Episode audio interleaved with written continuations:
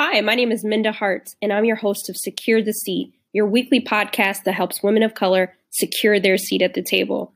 And whether you're holding it down at your own company or you are securing your seat as an entrepreneur at someone else's company, it's important that we shape the rooms we enter and we secure our seat in a way that provides other seats for other women that look like us because it's not what you do that gets you to the table it's what you do that once you sit at the table there's a responsibility that i believe we should have when we sit down. We shouldn't just be thankful and grateful and take up space but take a take up space in a way that's productive and helping others enter the room.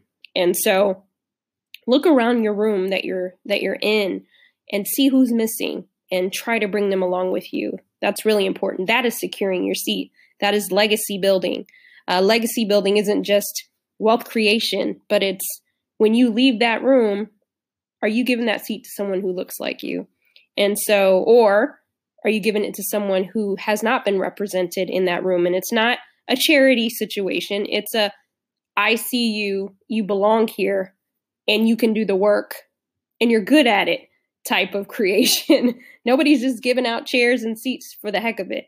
We're doing this because sometimes women of color are not seen and heard in the workplace and they have just as much tenure as the next person. And so it's important that we shape those rooms that we enter into. And so if this is your first time listening to Secure the Seat, welcome. If you're back with me again, thank you for rocking with me. I truly appreciate you for all those people who have left a rating uh, or a review on the platform that you are able to do that on. Many of you like to leave ratings on Apple Podcasts, so I hope that you go there and leave a review or rating. That gives it a signal boost to the powers that be that this podcast matters and our conversation matters and women of color matter inside companies and organizations. And so just want to say thank you um, to all who listen. It really means a lot when you shoot me a message or on social media. And when you connect with guests as well, those who've given their time to help you secure your seat or give you things to think about as you're building your career. And so, thank you for that. Definitely a sense of gratitude as far as that's concerned, because I know there's tons of podcasts that you could be listening to, but you choose to sit at the table with me, and I love it. And so, last thing I want to tell you is last week I mentioned that I launched the Women of Color Equity Initiative, and that is to put more women of color in leadership roles by winter 2019. So if you haven't had a chance to sign up, I need you to go to mindaharts.com and register. Uh, I'm going to, once I get 200 names, I'm going to create the searchable database. I weekly, companies are reaching out to me saying, Hey, do you know somebody, a woman of color who could fill this role or that role. And so I want to share those opportunities with you. And so once I have, I'm about 50 names away from 200. And so want to get more. And once I get the 200, then I'll be able to start to create the database. It's a searchable d- database, it's free for you. And so I want you to get in on the goods. I want you to secure your seat. And I want companies to see you and know you exist. And so make sure you do that. Or if you know someone regardless of the industry, regardless of your age, all hands on deck. So I want you to do that. The Women of Color Equity Initiative at mindaharts.com. And so once we get that going, um, it will be a live link. And so women can continue to add themselves to it. But I wanted to make sure I had a good amount of women of color to upload into the database before this is going to take a lot of work. And so I just want to make sure that we're setting this thing off right. So, again, if you haven't had a chance, please go and do that. Couple of quick things. I also want to shout out Arlan Hamilton at Backstage Capital. She's on the cover of Fast Company. She is the first Black woman that's not like an Oprah or um, famous in that sense uh, of the word. She's famous in her own right. And so hey, we're out here, we're making moves. If you don't know Arlan, go to Backstage Capital, Google her. Uh, she's creating space for underrepresented founders, black and brown, um, LGBTQ mothers, those who are, as she likes to call it, underestimated. And so she is definitely someone you want to keep an eye out on. And um, so I'm really proud of her taking up space and solving problems. Today, we're talking about choices, and I'm excited for you to listen to my conversation with my guest, Cheronda Everett. She is the CEO and founder and lead consultant at Cheronda Marie Inc. And you can go to mindaharts.com in the show notes and find out how to connect with her. She's mo- most active on Twitter, so I also had the link there for you. Today, we're talking about having it all. There's always this age old conversation about can women have it all? if you're thinking about starting a family, do you have to lean out? Do you have to hide your pregnancy? Um, maybe you've never seen someone successful um, execute motherhood and still rise up the ranks. And so we're talking about that today, and we're talking about company policies and how um, those can empower us to do that as well. I am not a mother, but I thought this was a very important conversation to have for our working mothers, as well as those who might consider starting a family one day, but you're worried about what it might look like to secure your seat because you want to be able to do it, do both. Why not, right? We have choices. And so um, I know you're going to enjoy today's episode. So without further ado, Cheronda, welcome to Secure the Seat. How are you? Hi, I'm well. Thanks for having me. Oh, I'm excited about our conversation. Why don't you tell our listeners a little bit more about you? Well, I'm Cheronda Everett, uh, originally from Chicago, Illinois. I always have to throw that in there. Born and raised, it made me who I am. Um, I am currently a full-time faculty member and an adjunct faculty member, but I also have that entrepreneur spirit. So although I work full time, I am an entrepreneur focused all about project management. Uh, project management for the everyday person. I'm not going to get on that soapbox. I can go on and on about project management, about the everyday person. Um, but that's that's that's what my business is focused on. That's what the books are focused on. That I, I wrote. I have my second one coming out in, in a couple of weeks, and so that that's just a little bit about me. And I'm a mom of two kids. I I have a sophomore in high school who I want to give away every other day. People tell me it gets better. And I also have a six year old. He is in first grade. So and he's like a little old man, so he's not like your everyday six year old. He thinks he's everyone's dad. Daddy Junior. yes. yes. Yes he is. That's funny. I well, I'm one of three kids. Um, obviously, we're all grown children now, but I had my youngest brother. There's 11 year gap between us, and we always called him Daddy Junior because he thought he was everybody's dad too. So I, I can just maybe it's that gap. My kids are nine years apart, so my son yeah. is nine years. And he he does. Sometimes she yells at him like, "You're not my dad," because he'll he'll come in. I had to tell him um, don't disturb me because he'll in a couple of hours he'll say, "Where where is Cheyenne? Should she be home by now?" So he is. He's a little he's a little grandpa. That's funny. I love it. Well, this is a great segue into what we're talking about today, which is I call this episode the choice. And I often hear, you know, women say, "Oh, can I have it all? You know, how do you how can you be a mother and and build your career or it has to be one or the other?" And so you know, you're a mother and you're a businesswoman. Did you ever feel like you wouldn't be able to have both or do both? I was very fortunate and I never felt that way. I had my daughter two days before my 19th birthday, which which is a challenge. So I don't encourage anyone to do that. I had her two days before my 19th birthday. I, I took that spring semester off to have her, and I returned back to school in the fall. And so being a student in higher ed and surrounded by women who were mothers and dominating in their career, I had very good examples very early in motherhood who just you I saw it physically. They were able to be the soccer mom and attend these events, but also become VPs and directors, and they were very, very strong in their career. And even my my first career was a middle school teacher. And so that's a predominantly female dominated field right now. And having those mentors doing student teaching and they're principals and they're getting phds and they're doing all these things and they're moms And so I always just, since motherhood, had these really great examples. And I was really fortunate to know I don't have to choose. If I if I want to stay home, I can. But if I want to have a dynamic career or a dynamic business, I can do that as a mother too. So I I all those mentors I have to I always give them praise when I see them in person. Like you help make me the person I am to know that I can have it all and I can do both.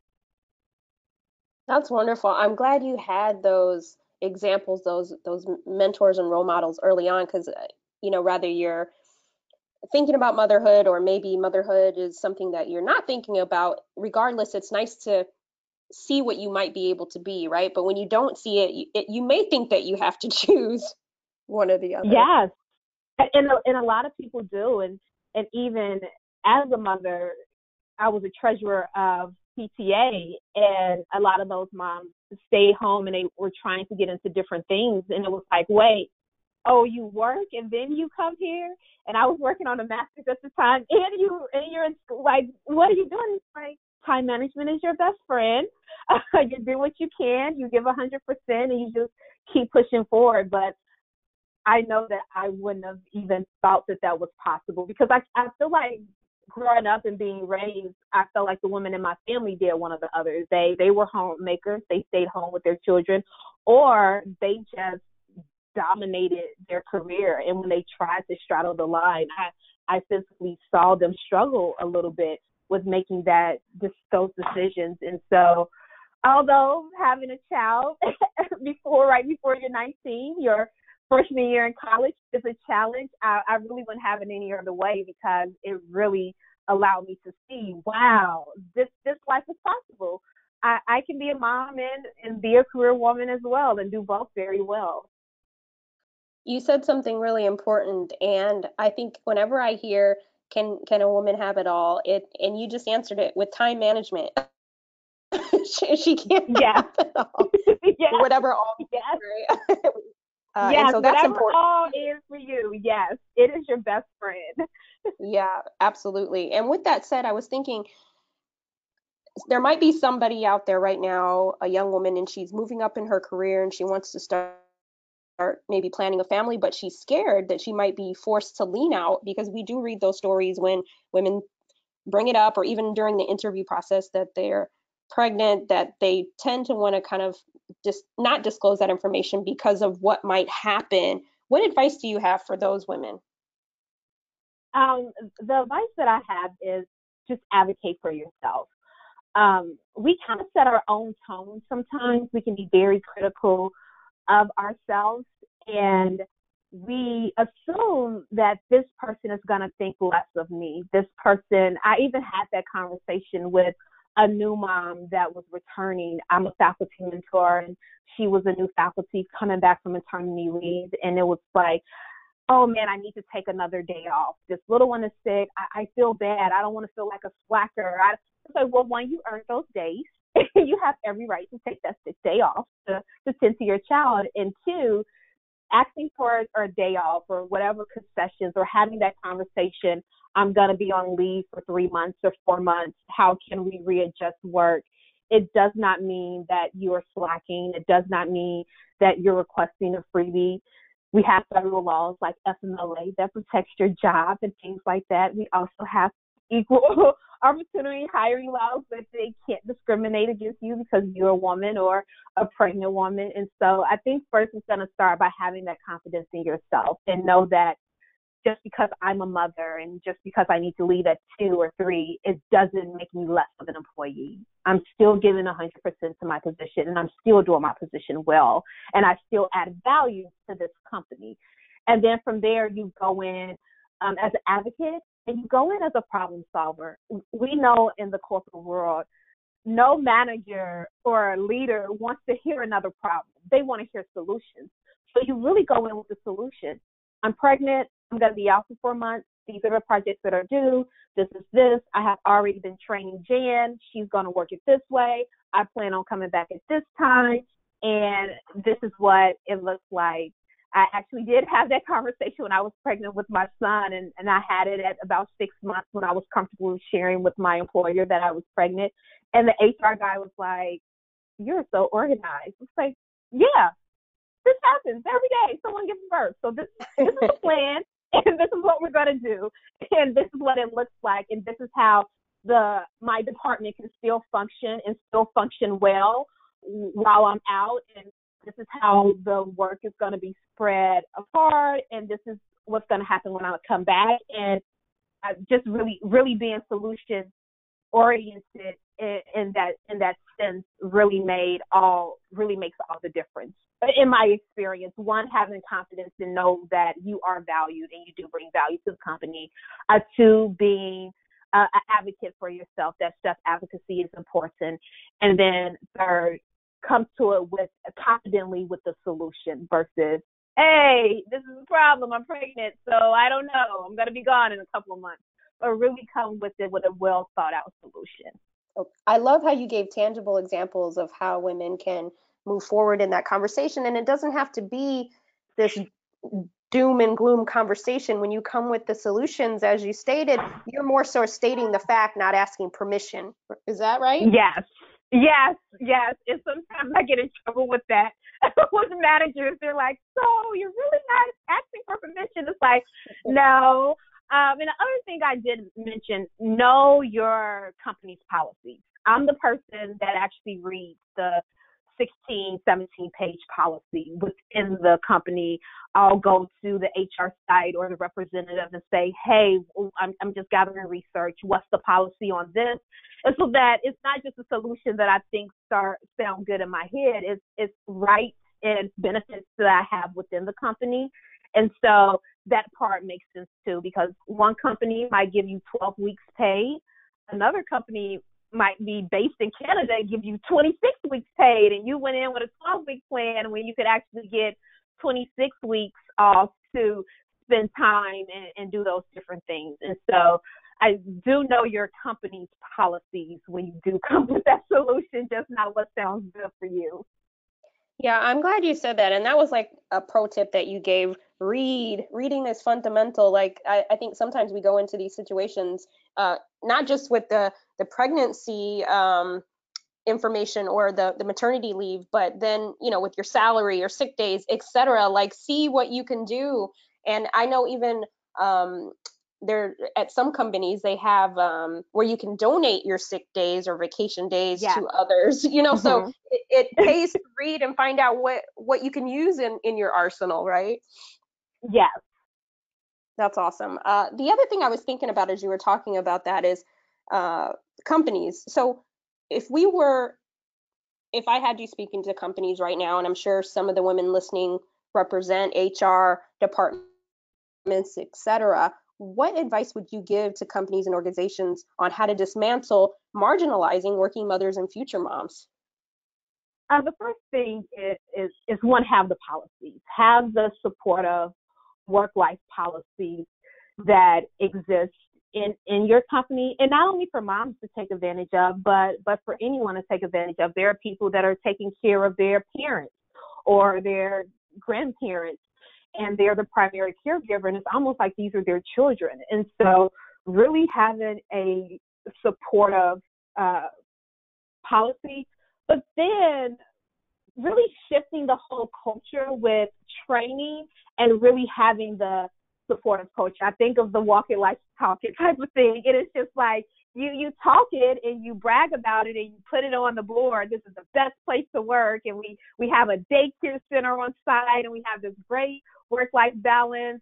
But when I say I need to leave early because I have a sick kid and my work is done for the day, and you know you have this solution, I'm getting the dagger eyes, and people bring it up later in the meeting, and it's passive aggressive behavior, and people are upset about it, and so really pushing that culture and having that expectation of managers that our employees are people too. And we're going to give them the space to do their job and do their job well, but we're going to also respect that they're they are people too. And just like HR has FMLA training and um, training and all these different trainings that we know that we go through that first month when we start a new job and we have to check off and sit through the webinar, the sexual harassment training we need to have those trainings, especially for managers who are setting the culture of the team, uh, for the VPs who are setting the culture of the division. And we have to make sure our, our CEOs and presidents have that buy in too. It's, it's really a complete top to bottom buy in of that culture shift because we can have the great policy on paper. But then when you get down to those mid managers, when they try to not allow you to use those policies and then there's no consequences for them or they just have a culture of the passive aggressive behavior or the evil eye or you know just just that different behavior that those things have to change too. Like we really have to get in there and get our hands dirty with with that culture shift um, but me personally, I, have been fortunate with with individual employers. I've had about seventy percent that have, even if the company didn't have a good policy, that individual was really able to work with different things because I did do my job well and I did hit all the markers and I did turn things in before deadlines. And so for me, needing to leave early or come in later or anything like that, for 70% of employers, I, I didn't get that that pushback. So yeah, companies it, it has to be a top. it has to start from the top and massage its way through the company with not only policy but things to really change the mindset of others and the culture.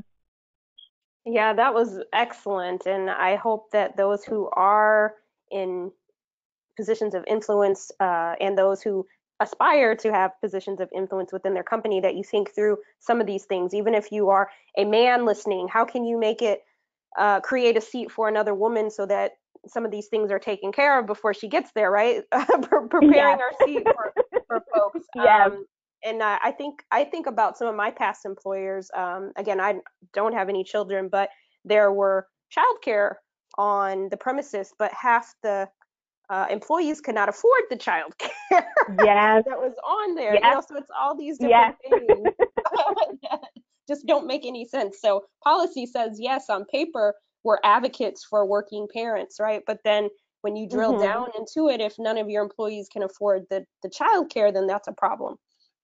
Yeah, and then none of them sign their kids up, and then they say, "Well, oh, this is not needed. We we don't we don't need this."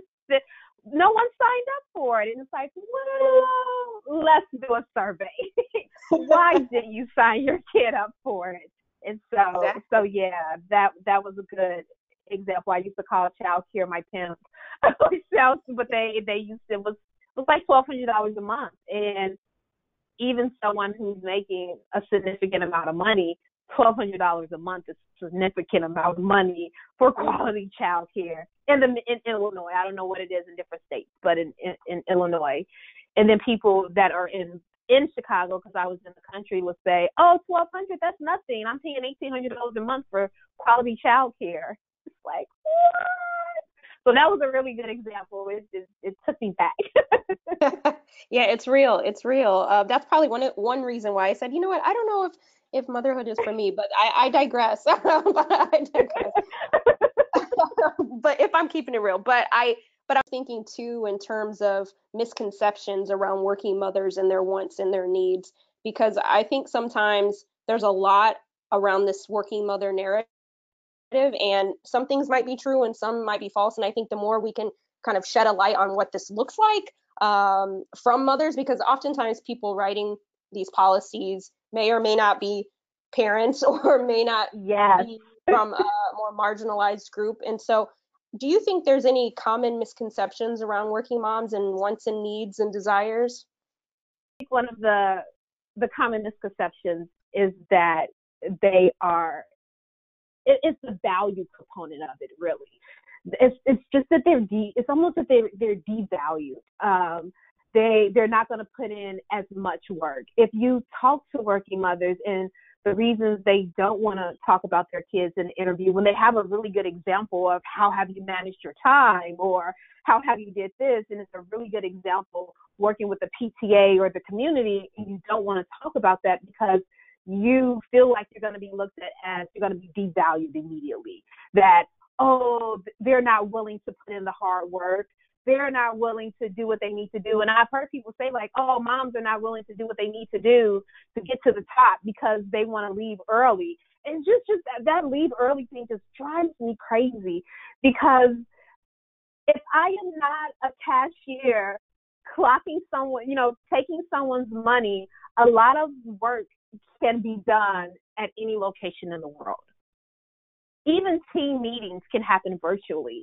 And so me leaving early, you're you're still getting your 8 hours. And because a lot of moms it's just ingrained in them to be constantly working and working hard, especially those magical ones with 3 under 3 and 4 under 4, you you you do bring value you do add value and that even that motherhood perspective in itself brings a different value and a different perspective to the team so i think the first one is it's not almost a the misconception but it's just the whole value of the mother. Within themselves they don't want to talk about it because they don't want to be devalued by the company and then it's the leaders in the company that look at them like oh yeah, they must not be working as hard or they talked about their kid today for 10 minutes. It's like, but you talked about a hot date for 10 minutes. Like, come on now. Where we both talked about something not work related for 10 minutes.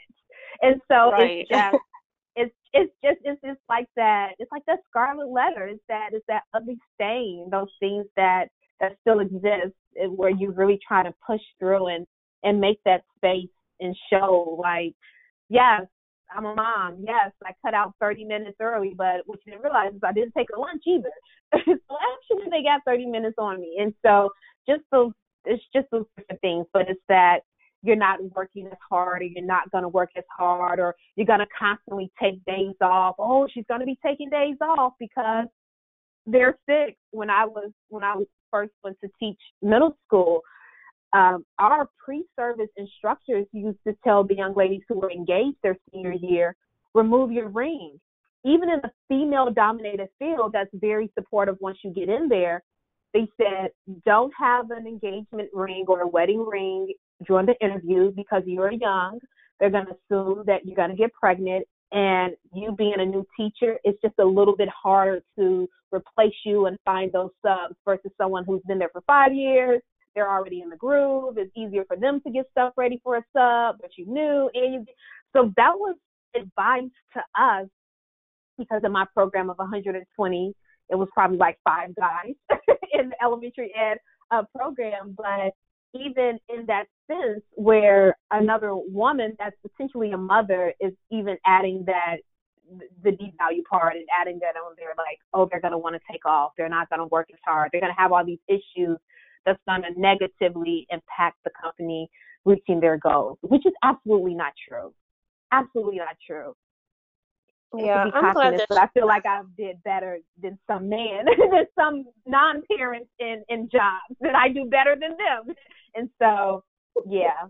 Yeah, that's true. I'm, I'm glad you raised that point because I was when I was listening to you talk, I was thinking about um, a place I used to work, and there was a, a person who would take off all the time, and they didn't have any kids, no pets, no nothing, right? You know, right, just right, never there, and it's like you, you couldn't, you know, but when they interviewed, obviously the person interviewing them has bias, right? They're the perfect candidate. They're single. They're this. They're that. But you just oh. never, ah. never know. And so I'm glad that you. No.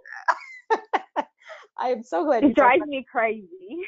The intersectionality, you know, also the layers of that. So being a woman of color, um, being a mother, yeah. you know, you're already have these different layers of bias, and so it's adding on another layer. So I, I'm glad we have this conversation to let other women of color know that it's possible, and if they didn't know it, they got to hear you talk about it, and I just love it. Um, before we get out of here, um, before we join man, I'm having like a tough time today. This typically isn't.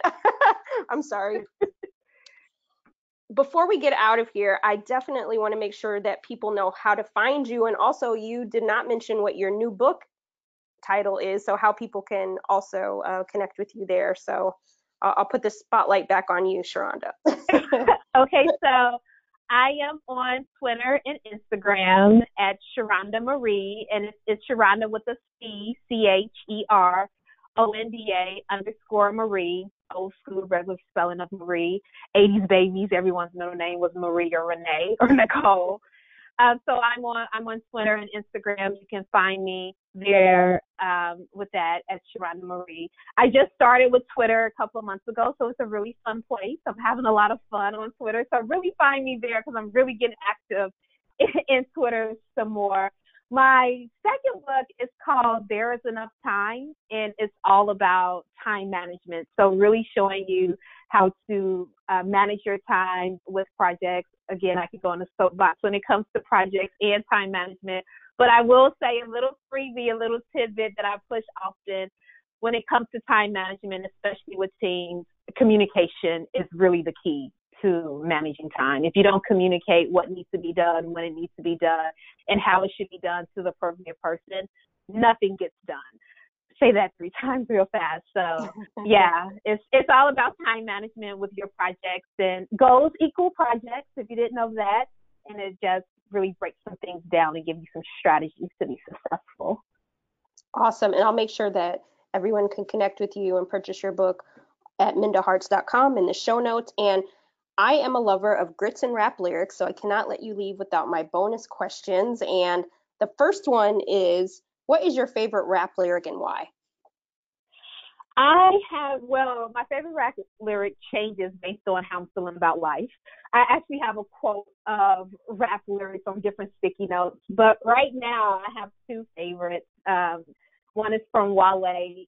She's an introvert, but she's good in public that's it's almost like a love ballad the whole song but that line for me was like i'm really an introvert. I talk to people and they're like no you're an extrovert. You have so much energy. I'm like yeah i'm gonna need a nap after this. And so i'm really an introvert but i'm good in public. So and my other one that is really my focus for the last four years um by jay-z. I've been focused since i said hi to 30 and I've always been a focused person, especially being a mom early. This is my trajectory. In five years, I'm going to be a principal. When I taught middle school, I'm going to earn a degree at this point. But after I turned 30, I start my focus changed from right now money and right now happiness to uh, the wealth aspect, and not just wealth for myself, but for my children. And it, it really just changed changed my focus. And it really, I, I think about it differently. And it's not just where do I want to be in five years, but what space is going to be the best space. So those are my favorite lyrics right now because they they really represent me. When people are like, "What are you about? What's going on?" I'm like, I'm an introvert, but I'm good in public, and I've been focused these last four years. I love it. Well, you know, uh, I'm a Jay fan, and so anything Jay, I'm like, yes, yes, yes. But I love Wale too. So um, that was two dope lyrics. So I, I, love it. I even wrote that Wale one down because I did not know that one. That was good. I, I definitely have to use that somewhere down the line. and um, you know, this the podcast is called Secure the Seat. When I say that to you, what does it mean to, to you? me? Uh, I, and I think, like like I said, as a mom, it's it's not only securing the securing the seat for me and having that opportunity for me to feel good, but it's for someone else. Be it my own daughter, someone else's daughter, a sister, a cousin. Uh, securing the seat to me means that there's a space for a person like me forever. It's not just I secured the seat and I feel good and I get to move my seat around and secure these different opportunities and situations and be great and wonderful. But to me, securing the seat is securing it forever for a person who has my story or a piece of my story or connects or relates to me and haven't had an opportunity to have that seat.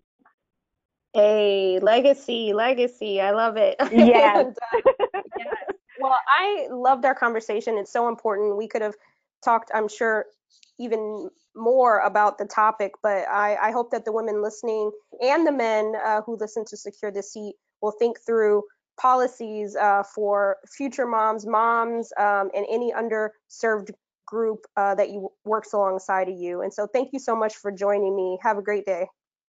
You too. Thank you. Well, thank you for joining me for this week's episode of Secure the Seat. I know that you enjoyed the conversation, whether you're a mother right now, or you're thinking about having children, adopting, whatever the case may be. Uh, if you're a man listening or a father, I hope you think through what that looks like for you as well. If you're in a position of influence to change policies to make it better for working moms or dads or caretakers, that you'll do that because everyone adds value. And I think we have a workforce where we can be a little flexible. It doesn't mean that someone's slacking, it just means that we don't necessarily have to do the traditional work from eight to five or nine to five. We have other modes of doing that. So be open, be flexible. And um, lastly, I know we're out here crushing glass, breaking down doors, and things of that nature, but don't forget your self care. Um, self care is the best care. And as you're trying to go after different opportunities or you're seeking out new career options, uh, one quote that I coined my own self, but I use it as medicine to myself is I'm not chasing opportunities, I'm creating them. And I think sometimes we're so busy, like grinding, grinding, grinding, that we're chasing things. If we just sit back, take some self care, be strategic, we can create them as well. And you can create those at your own table, you can create them at somebody else's, but think strategically. So please go to Apple Podcast or wherever you listen to the review and leave one. I really appreciate it. Connect with me at mindaharts.com or where I'm most active, which is Twitter at Minda So let me know what you think of today's episode. Connect with Cheronda and buy her book. So I'll see you next Wednesday. Have a great day.